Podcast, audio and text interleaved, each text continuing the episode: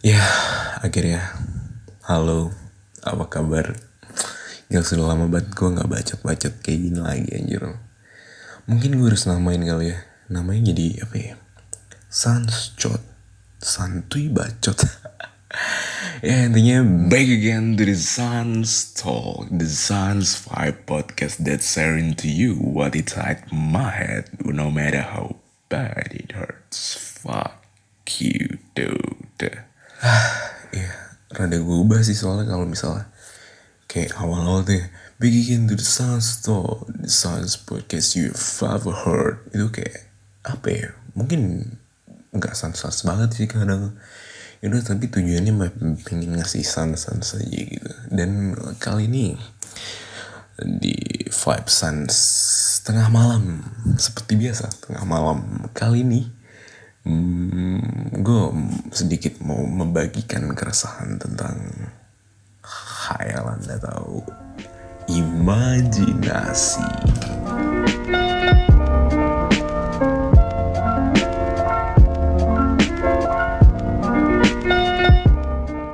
Iya. Yeah. Kalau kata SpongeBob sih kan nadanya kayak gitu. Imajinasi. Lu pasti bisa membayangkannya dengan gelagat SpongeBob yang apa ya? Kayak mukanya no no apa sih? Kagak punya itu tuh kagak punya salah. Itu kayak kagak punya salah habis itu nyengir dan ada pelangi di atasnya. Ya I didn't give a fuck about the logo. Gue mau uh, bicarain itu. Karena nanti banyak terpaan terpaan ah imajinasi. Eh iya sorry sebelumnya kalau misalnya musiknya dari apa namanya dari laptop langsung langsung nyalain, nyalain aja gitu soalnya ya ya gue pengen maunya kayak gini gitu loh. Biar chill aja gitu kan. Biar ngomong sambil chill. Hmm, imajinasi. Kayak setiap orang tuh pasti apa ya pasti punya imajinasi masing-masing gitu loh. Tapi kayak misalnya di setiap orang tuh imajinasi ya udah coba jadi imajinasi aja kayak kadang orang-orang tuh tidak menyadari apa itu imajinasi sendiri dan bagaimana khayalan atau imajinasi dari seseorang itu bisa berimpact sangat big, sangat large scale in the world, terutama di kehidupan manusia itu sendiri. Ya soalnya gue juga gak yakin sih kalau misalnya uh, spesies-spesies lain itu yang ada sekarang kalau misalnya mm, dari genus homo ya gue juga nggak tahu sih sebenarnya. Tapi yang jelas kalau yang sekarang sekarang kayak hmm, yang deket sama manusia sendiri yang deket sama sapiens itu kalau misal lihat di pohon evolusi itu simpanse kan. Nah itu juga gue masih kagak tahu tuh simpanse itu punya imajinasi bisa berimajinasi kayak manusia apa enggak karena bingung juga kan. Untuk mengetahui uh, indikasi ada atau tidaknya indikasi dari spesies lain. Nggak mau ngomong hewan lain karena ya ya bisa sih jadi hewan lain. Cuma kalau misalnya lo ngomong hewan lain itu kayak lebih mendiskriminasikan gitu. Kayak lo menganggap diri lo terlalu suci dan tidak hewan. Padahal ya di biologi lo masuknya animalia gitu. Lo bukan suatu sensitive life atau apa ya sesuatu yang suci gitu. Kadang banyak orang sih kalau kata George Carlin di awal-awal dia kapan nih gue lupa. Dia udah meninggal dari tahun 2008 sih ya udah tua banget. Kata George Carlin kayak ngomong gini apakah anda semua manusia berpikir kalau anda suci? Lalu kesucian itu apa? Hmm kesucian apakah itu hanya konstruksi? Itu bila banyak banget yang bakal masuk di omongan gue tentang imajinasi ini. Salah satu itu tentang kesucian hidup. Kadang manusia lahir itu dianggap suci tapi kalau misalnya sapi lahir ya some of belief atau religion menganggap sapi itu suci. Terus kalau misalnya apa lagi yang lahir ya? Kalau misalnya ah insect insect lahir apakah mereka juga dianggap suci? Hmm kalau semuanya dianggap suci cukup ribet juga dan batasan akan kesucian itu sendiri kan cukup dipertanyakan gitu. Kayak apakah hanya lo yang hidup dan ketika lo mati kesucian itu hilang? Dan kenapa lo bisa beranggapan kalau diri lo itu so sangat suci mind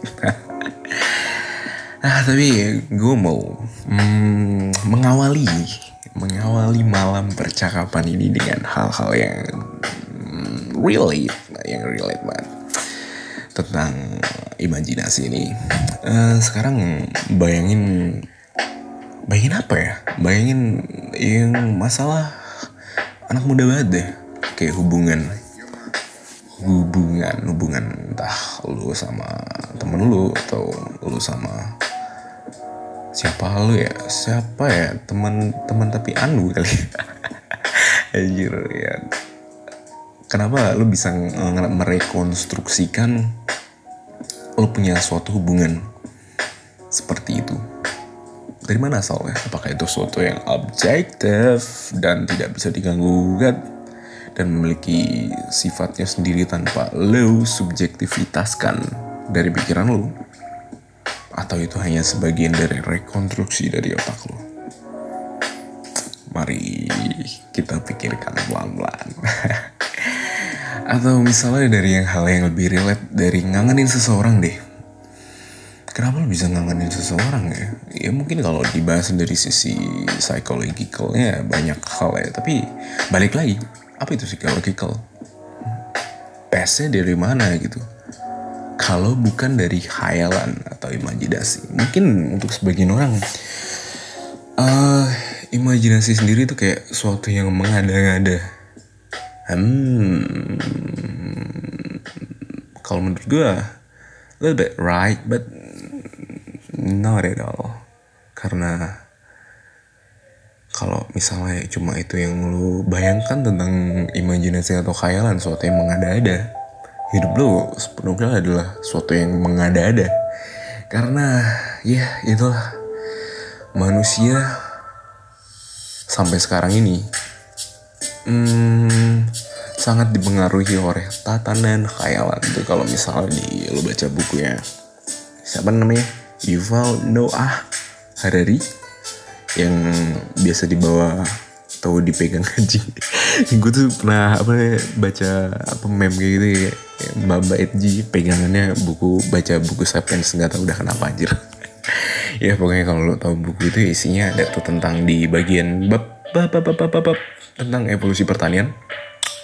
Itu tentang tatanan khayalan atau apa ya imajinasi itu karena kenapa dimasukin di uh, bab evolusi pertanian?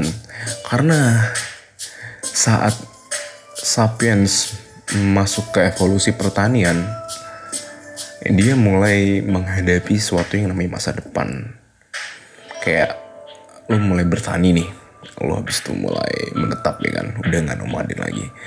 Ketika lu menetap dan mulai melakukan bertani bertani istilahnya lah um, bertani apakah besok masih bisa hidup? Makan. Kalau soalnya kalau nggak hidup ya gue mau kayak gimana gitu? Mau balik lagi jadi pemburu pengumpul. Kalau di buku itu disebutkan kalau misalnya pemburu pengumpul itu hanya hidup hari ini. Dan uh buset kayak Mas Ajibat di sini dan kini.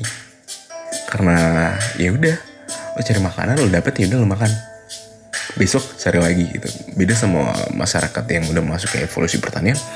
Lo harus memikirkan bagaimana ini bisa hidup. Dan mulai dari mulai situ dari mulai titik di situ uh, tatanan khayalan itu mulai maju dan mulai hmm, bisa dibilang mengokupasi sapiens itu sendiri.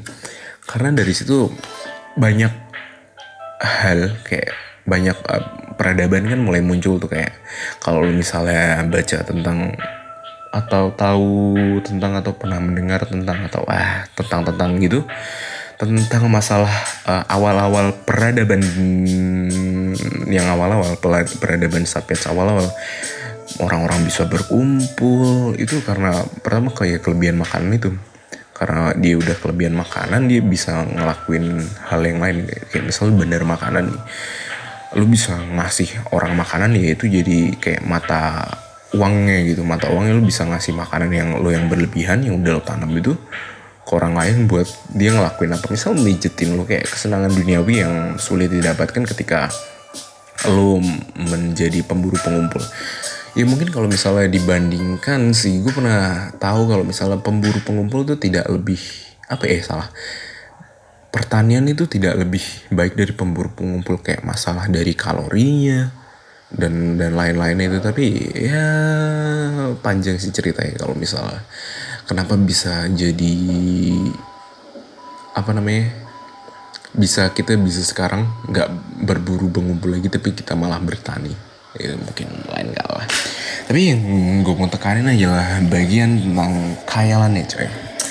Jadi karena lo udah misal lo punya duit eh punya duit punya makanan yang lebih punya stok makanan yang lebih lo bisa bayar orang dan akhirnya semakin besar semakin besar semakin besar lo bisa buat pasukan akhirnya lo bisa melakukan invasi ke daerah yang lain. Dan dari situ pun tatanan khayalan mulai berkembang. Salah satu contoh yang besar dari tatanan khayalan mulai berkembang adalah ketika peradaban Babylon aduh Mesopotamia.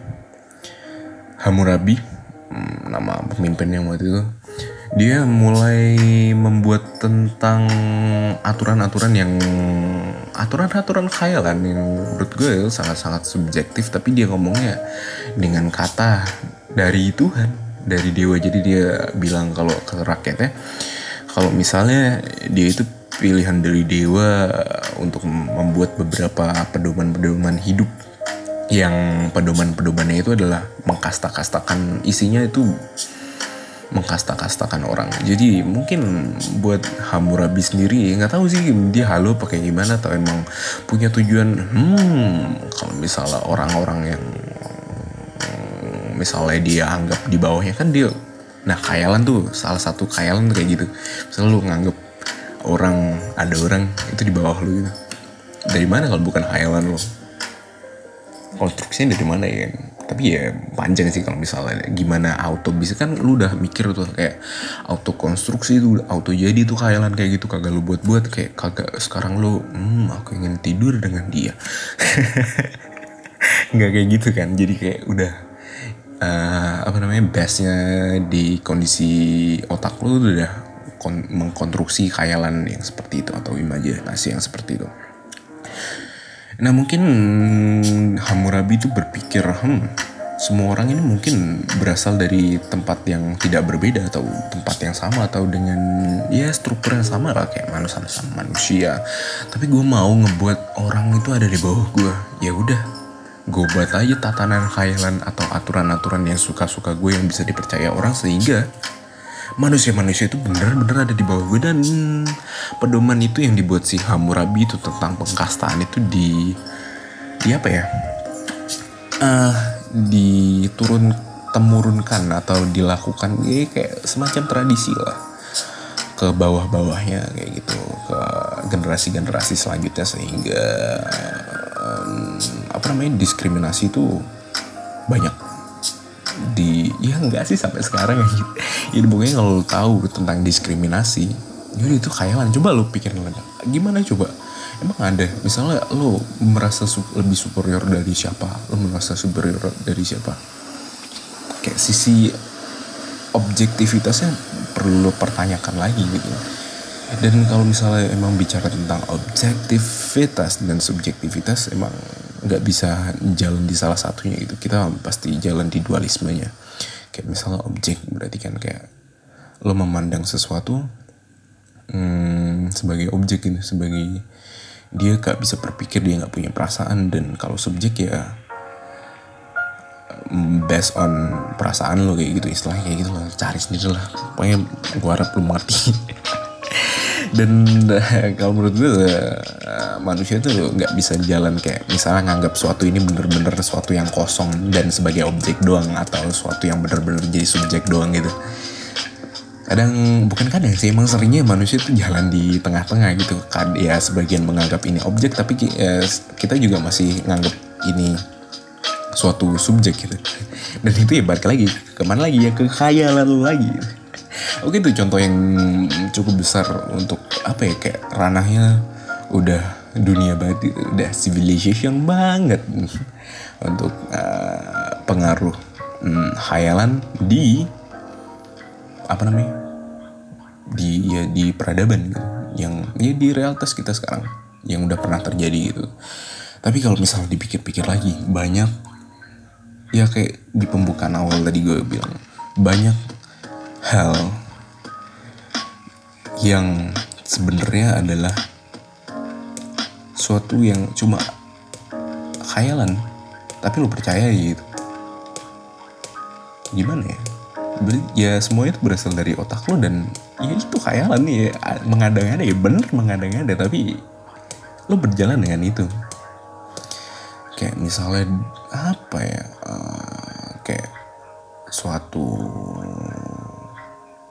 hmm, kalau suatu hubungan kan udah dari kayak misalnya suatu apa ya tidak objektif banyak sih sebenarnya. Gue jadi kagak kepikiran anjir. Kayak suatu gue ngomong kayak gini gue ngomong menjelaskan semua ini bukan menjelaskan memberitahu bukan juga apa berbagi berbagi. Berbagi bersama di Burger King. Ya skip my uh, itu. Ini juga cuma khayalan kayak misalnya gue merasa berbagi tapi apakah gue berbagi? Apakah ada yang denger? Ya kagak anjir gue doang yang denger dan ya itulah khayalan. Dan bisa sebegitu masif ya efeknya di dunia lu sendiri maupun di dunia hmm, peradaban atau bisa dibilang kalau oh, pembagian antara objektif dan subjektif itu menjadi suatu yang intersubjektif atau suatu khayalan yang berkaitan satu sama lain sampai akhirnya lu percayai misalnya masalah-masalah yang sangat-sangat besar di dunia ini kayak masalah politik kenapa lu percaya sama dia gitu kan. Itu ya cuma isi khayalan lu aja anjir. Kayak semua ini ya udah cuma khayalan gitu kayak lu pikir dunia coy. Dunia lu pikir dunia buat lu? Enggak anjir. Dunia itu udah berjalan kayak gini aja. Ya udah dari dulu dunia ada dan eh dunia dulu dunia ya mungkin kalau konsep hmm, tentang masalah uh, awal dunia yang gue juga masih jadi suatu pertentangan kayak gitu. Mungkin dari Big Bang dari suatu yang sangat padat singularitas itu mendapat dan jadi sampai kayak sekarang atau emang udah ada dari dulu dan jadi kayak sekarang yang jelas lo dulu nggak ada. Dan dunia tetap ada men. Dan yang membuat dunia. Anjing eh apa sih ini lagu? Yang membuat dunia ada di otak lo ya berarti cuma diri lo sendiri. Kadang manusia itu terlalu gimana ya ceritanya terlalu hmm, lupa tentang dari mana asalnya. Asalnya dari ketiadaan men. Dan kadang kayak langsung lompat aja ah gue langsung ada nih udah langsung gue rekon apa konstruksi semua ya padahal enggak kayak gitu. Lu bayangin kayak misal lu ada atau nggak ada dunia tetap ada. Mind Independent World Problem. Gila bahasannya itu main panjang sih Tapi Setahu gue Kayak Walaupun dunia gak lo pikirin Itu dunia tetap ada. Lo jalan Dengan berpikir Ada atau enggaknya pohon Di depan lo Tapi kalau emang bener-bener situ ada pohon ya udah lo nabrak. Kalau jalan di situ gitu. Cuma kadang orang tuh terlalu apa ya, masif terhadap dirinya mempercayai khayalan itu sampai lupa terhadap realitas yang ada di luar sana gitu. Padahal kalau menurut gue realitas tuh dibagi di ada dua ya. Realitas dalam diri lu yang pure khayalan lu dan realitas di luar sana yang sangat atau bisa dibilang yang di dalam diri lu itu sangat subjektif atau realitas di luar sana yang main independent world sesuatu yang di luar dari pikiran dan khayalan lu yang sangat objektif kayak gitu.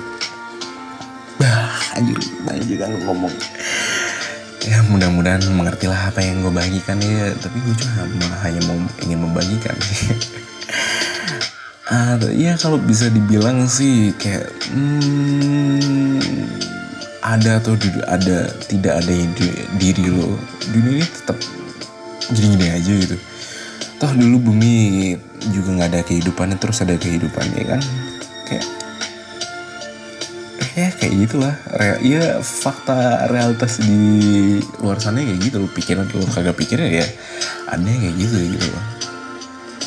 Mungkin emang kalau dipikir ya terlalu apa ya terlalu nihil mungkin dipikir tapi hmm, tetaplah jadi nihilism optimistic gitu kayak tadi mungkin gue bilang tentang masalah khayalan atau konstruksi imajinasi yang apa ya istilahnya?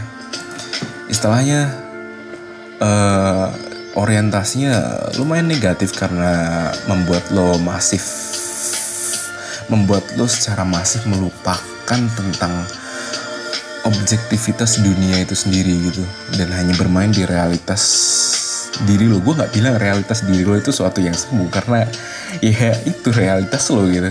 Lo berpikir lo pohon ya udah lo pohon anjing gitu kan. Ya udah bukan salah lo. Misalnya lo berpikir lo apa ya lo suatu yang unik banget kayak lo pizza gitu. Atau lo pernah berpikir diri lo sekedar daging ham. And then fucking care man. That's your imagination that's yours gitu. Ya udah lo yang make gitu. Tapi kalau masalah dunia di luar nah ini kalau misalnya lo udah nemuin uh, semua hal itu cuma khayalan yang ada di dunia ini dan cuma khayalan lo maksud gue cuma konstruksi dari diri lo sendiri di mana batasan-batasan itu muncul? Itu dia. Di mana batasan-batasan itu muncul itu yang dari kapan ya udah lama semenjak gue baca sapiens tentang tatanan khayalan itu uh, pertanyaan itu yang muncul kalau misalnya semua itu khayalan dan mengada-ada dan sebenarnya nggak ada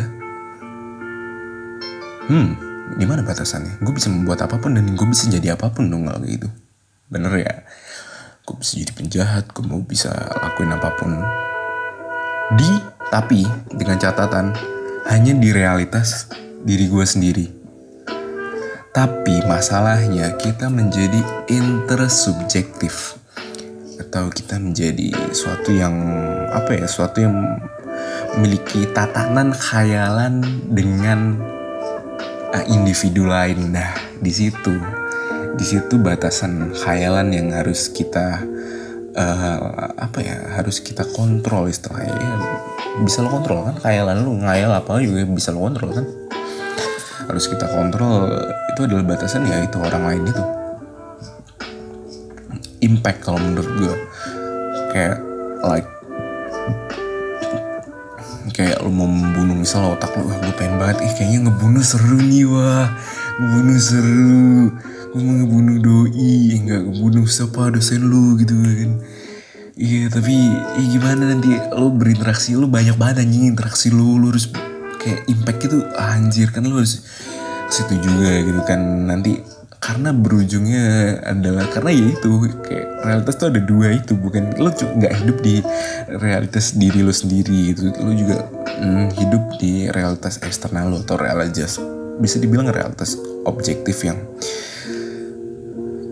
uh, kondisi realitas objektif itu bisa apa ya menekan mm, lo sendiri gitu dan membuat diri lo sendiri kacau dan atau apa tergantung dari uh, trigger apa yang lo lakukan gitu atau reaksi apa eh aksi apa yang lo lakukan untuk mendapat reaksi dari uh, sisi eksternal lo gitu. Jadi sebenarnya itu lingkaran setan sih antara uh, subjektivitas khayalan diri lo, subjek intersubjektivitas khayalan antar semua apa individu-individu yang ada di sekitar lu sama tentang realitas objektif yang ada di luar lu itu. Kayak gitu. Ya sebenarnya muter-muter anjing. Ya rada rada pusing sih. Kadang kalau misalnya dipikir ya tapi gitu sih. Kalau menurut gue saran yang gue hmm, sarankan anjing saran yang harus disarankan. Sangat tidak efektif anjing.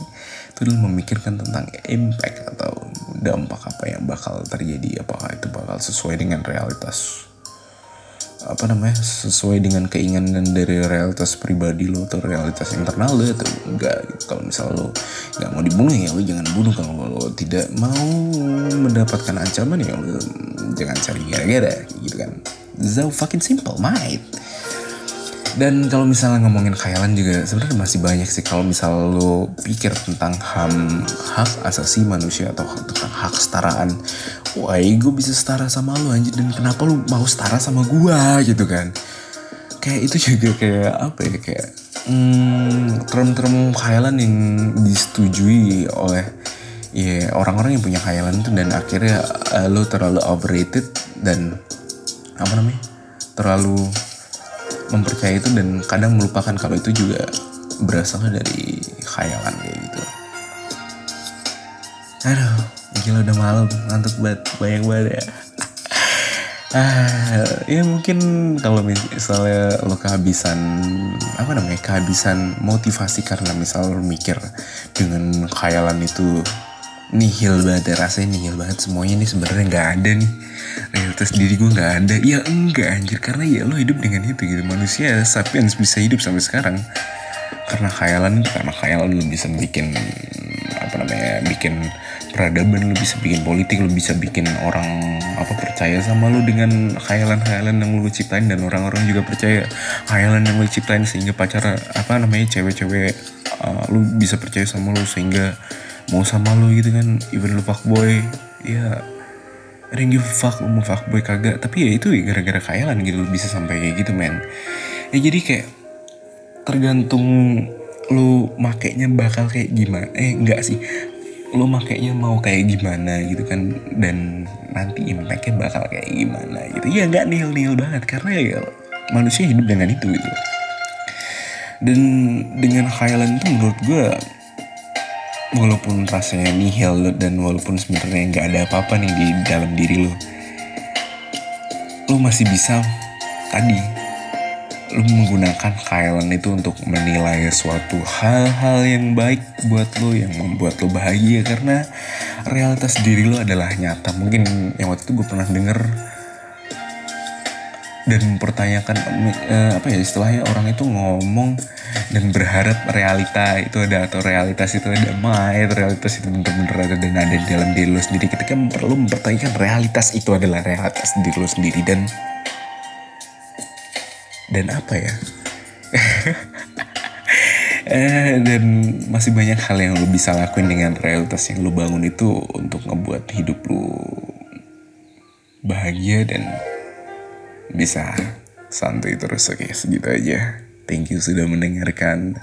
Dan oh gue sangat uh, terbuka kalau misalnya dan gue sangat bakal seneng banget kalau misalnya ada yang misalnya dengerin abis itu ya udah mau sampai habis mau skip skip I didn't give a fuck cause yep I just want to record my voice on this fucking device and share it dan ya gue sedikit berharap kalau ini bakal sedikit apa ya men-trigger uh, pikiran lo dan menambah sedikit info-info. Siapa tahu dapat pencerahan kan dan bisa lo bagikan ke gue gue seneng banget. Open discussion open table ya open everything lah open coach yang open open mantep emang. Oke okay, segitulah ya. Gila udah berapa menit ya? Ntar gue lihat dulu nih Gila udah 28 menit. Karena lumayan lah. Karena gak lama-lama juga. Gila udah ngantuk sih. Serius sumpah udah ngantuk banget aja. Dan ya mudah-mudahan berguna. Dan gue sangat open discussion about it.